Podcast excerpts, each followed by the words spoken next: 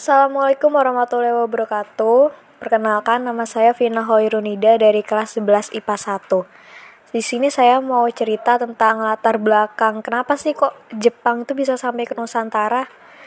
Jadi gini, masuknya Jepang ke Indonesia dilatar belakangi dengan adanya embargo Amerika Serikat terhadap minyak bumi. Saat itu, Jepang merespon baik dengan cara memperlakukan serangan cepat mereka yang ingin menjatuhkan Amerika. Padahal ketika itu Amerika sama sekali belum memilih blok sekutu ataupun blok sentar, sentral. Bagi Jepang, Amerika tidak pro terhadap mereka. Di bulan Januari sampai Februari di tahun 1942, Jepang menduduki Filipina, Pontianak, Balikpapan, Palembang, Tarakan, di Kalimantan sampai Samarinda. Saat Jepang masuk ke Nusantara, Ketika itu, ia menganggap bahwa dia adalah saudara tua dari timur yang menyelamatkan Indonesia dari jerat kolonialisme. Jepang menggaungkan sebuah propaganda dengan sebutan 3A. Jepang Pelindung Asia, Jepang Cahaya Asia, Jepang Pemimpin Asia. Oleh karena itu, pemerintah Jepang di Nusantara ketika itu melontarkan dua prioritas program, yaitu satu, menghapuskan segala pengaruh yang berbau barat di Indonesia. Dua, dilarang digunakannya bahasa Belanda ataupun Inggris. Masyarakat didorong untuk menguasai bahasa Jepang. Organisasi militer tidak akan terbentuk jika Jepang tidak menarik hati dari tokoh-tokoh besar di Nusantara, seperti Syahrir, Soekarno, dan Hatta. Ketiga orang ini kemudian didekati oleh Jepang agar mereka mau bergabung dan otomatis masyarakat juga ikut bergabung. Tapi kemudian Syahrir lebih memilih jalan luar pemerintahan, lebih memilih untuk melakukan gerakan bawah tanah bersama para anggota Partai Nasional Indonesia. Sedangkan Hatta dan Soekarno mereka bergabung dengan Jepang dengan tujuan yang hampir sama.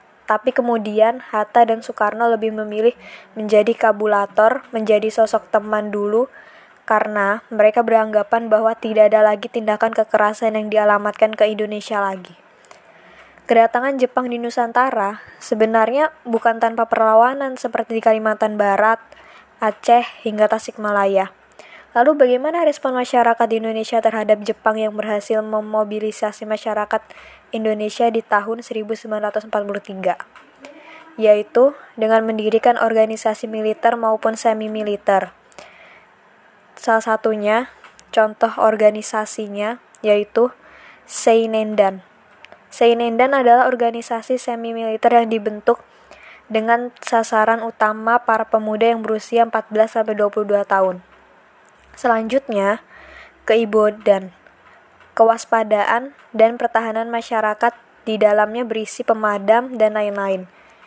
Di bulan April tahun 1943 juga dibentuk pasukan pembantu Angkatan Darat dan Angkatan Laut yang bernama Heiho. Selanjutnya ada Putra atau Pusat Tenaga Rakyat. Ini kemudian di bidang politiknya juga didirikan oleh Jepang.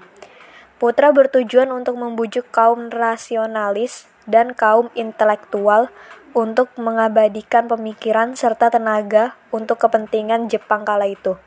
Selanjutnya adalah pembela tanah air atau PETA. PETA dibentuk pada tahun 1943 di bulan Oktober. Organisasi ini adalah organisasi militer dengan mobilisasi pemuda yang bersifat sukarela. Selanjutnya adalah muncul organisasi politik yang bernama Jawa Hokakai. Hokakai.